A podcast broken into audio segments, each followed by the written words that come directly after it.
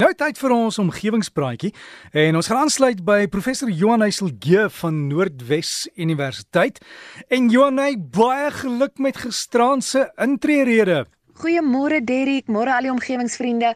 Dankie Derrick. Ek kan regtig sê dat dit is genade wat 'n mens op hierdie punt kry en natuurlik die ondersteuning van baie baie mense. So my hart loop regtig oor van dankbaarheid. Dit was gisteraand 'n baie lekker geleentheid.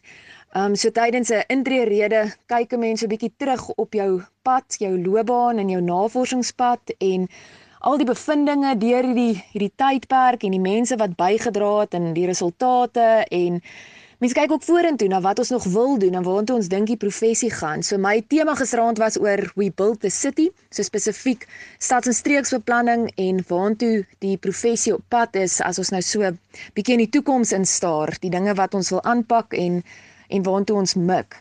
So ek het gedink vir oggend om aan te sluit 'n soortgelyke tema, um, wil ek gesels oor die 4de industriële revolusie. En dalk net so 'n bietjie agtergrond gee.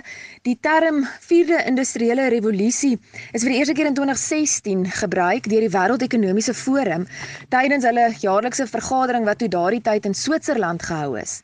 Nou, dit beteken basies 'n revolusie, so 'n grootskaalse verandering en dan nou in hierdie geval 'n industriële revolusie. So dit beteken die verandering in ekonomiese produksie soos wat ons nou gesien het met die vorige 3 industriële revolusies. So die 4de industriële revolusie is nou hierdie toekoms um blik waar ons kyk van wat kan ons verwag, waartoe gaan die omgewing en produksie en vervaardiging en wat kan ons verwag?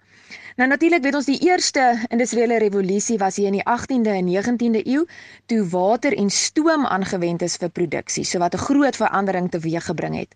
En die tweede industriële revolusie was toe tussen die 1870s en 1914 daar rond waar elektrisiteit toe nou aangewend is vir massaproduksie. En dan die derde industriële revolusie het toegevolg in die 1980s. En dit staan nog vandag bekend as die digitale revolusie of soos ons ook verwys die rekenaareeu waar elektroniese en inligtingstegnologie gebruik is om produksie en vervaardiging dan te outomatiseer en sodoende te verbeter.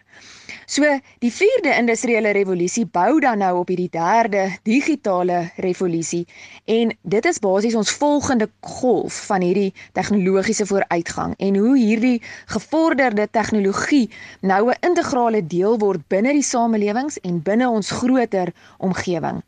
So die 4de industriële revolusie word dan nou veral ook gekenmerk deur wat ons noem die internet van dinge en dan ook veral um deur kunsmatige intelligensie. Jonay mense is baie keer skrikkerig vir tegnologiese vooruitgang en kunsmatige intelligensie. Hulle dink seker dit gaan hulle beroepe oorneem. Mense is maar bang masjiene gaan hulle vervang. Dis baie waar Derrick. Elke keer met so 'n industriële revolusie het ons gesien hoe die samelewing basies geskommel word om aan te pas by hierdie nuwe manier van doen en van produksie. Maar alhoewel dit dan nou ook 'n verandering teweeggebring het, het ons ook elke keer gesien dat hierdie tegnologiese verandering ook gelei het na 'n uiteindelike toename in produktiwiteit en en ook in welvaart. So dit het beteken dat die samelewing as 'n geheel eintlik elke keer verbeter het. So die mensdom was beter af as voor die verandering. So die 4de industriële revolusie gaan nie beteken mense gaan nie meer werk hê nie, maar dit gaan beteken dat ons anders gaan werk en dat ons anders gaan dink oor werk as gevolg van hierdie vooruitgang in tegnologie wat baie moontlikhede gaan skep vir ons. Nou die Wêreldekonomiese Forum het so tyd gelede 'n artikel geplaas wat geskryf is deur Brad Keywell.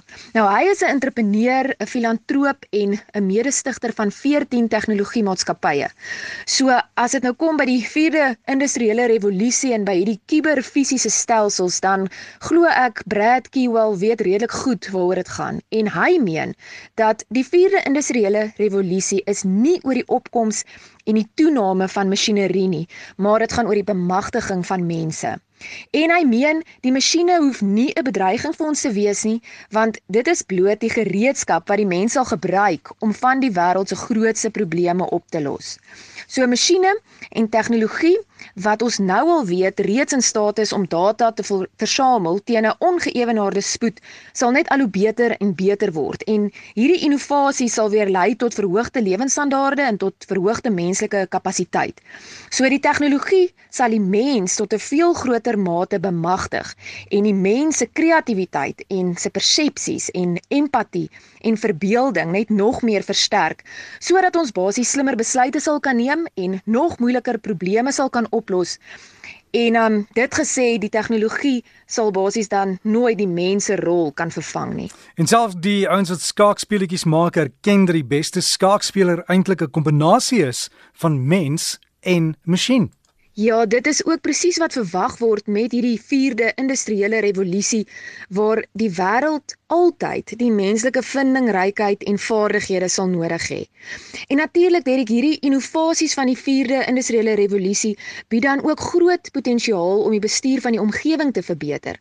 Soos deur die gebruik van hommeltuie vir grondanalises en gewasmonitering of om data en analitiese middele te gebruik om opbrengste en gewasgehaltes te verbeter, soos byvoorbeeld deur waterverbruik te verbeter of kweekhuisgasse te verlaag, of byvoorbeeld deur die toekomstige gebruik van nanotegnologie wat dan nou die stadige vrystelling van water en kunsmis vir plante sal beheer. Of byvoorbeeld in ons stedelike gebiede waar hidroponika en vertikale boerderye aan die toeneem is en waar plante in 'n grondvrye medium of in 'n akwatiese omgewing kan groei en waar hierdie gewasse in vertikale gestapelde lae kan groei sonder die gebruik van enige chemikalieë. So die 4de industriële revolusie beteken regtig moontlike oplossings vir baie van die komplekse uitdagings van ons omgewing. So dis van hongersnood tot siektes tot klimaatsverandering wat nou moontlik gemaak sal word deur hierdie tegnologiese vooruitgang. So masjinerie en tegnologie sal ons dus insig gee en die perspektief gee wat ons nodig het om hierdie oplossings te bereik. Maar die masjiene en die rekenaars sal nie die ervaring of die vindingrykheid of die verbeelding of die kreatiwiteit kan verskaf nie. Dit sal net deur mense verskaf kan word en dit is juis hierdie vaardighede van mense wat nou verder moet ontwikkel word. Ook iets wat ons gisterand oor gesels het, die vaardighede wat ons nou moet kyk na ons studente en ons nuwe generasies sekere vaardighede wat ons moet ontwikkel sodat ons weer hierdie volgende sprong in vooruitgaan kan maak. So daarmee Derek as groen gedagte Die 4de industriële revolusie beteken regtig ook goeie nuus vir ons omgewing en vooruitgang vir ons omgewing. Maar dit kom altyd met die wete dat die mens die opdrag gekry het om te heers oor die aarde en die mens altyd 'n sentrale rol binne in die omgewing sal bly speel. Baie dankie aan professor Johan Heiselje van Noordwes Universiteit. En as jy wil kontak maak, hulle het die omgewingspraatjies Facebook bladsy. Ek het ook nou net 'n foto van van haar geplaas gisterand by die intree-rede. Is Johan Heiselje saam met Kobus van der Walt, ons vorige aanbieder van die omgewingspraatjie. Gaan loer op Breakfast se Facebook bladsy. Jy sien sy het so mooi rooi aan en die professor aan ene daar in sy in sy pak. So baie geluk, maar nietemin as jy wil kontak maak, jy kan ook vir hulle e-pos, dis omgewingspraatjies, die meervoud by gmail.com. Omgewingspraatjies by gmail.com.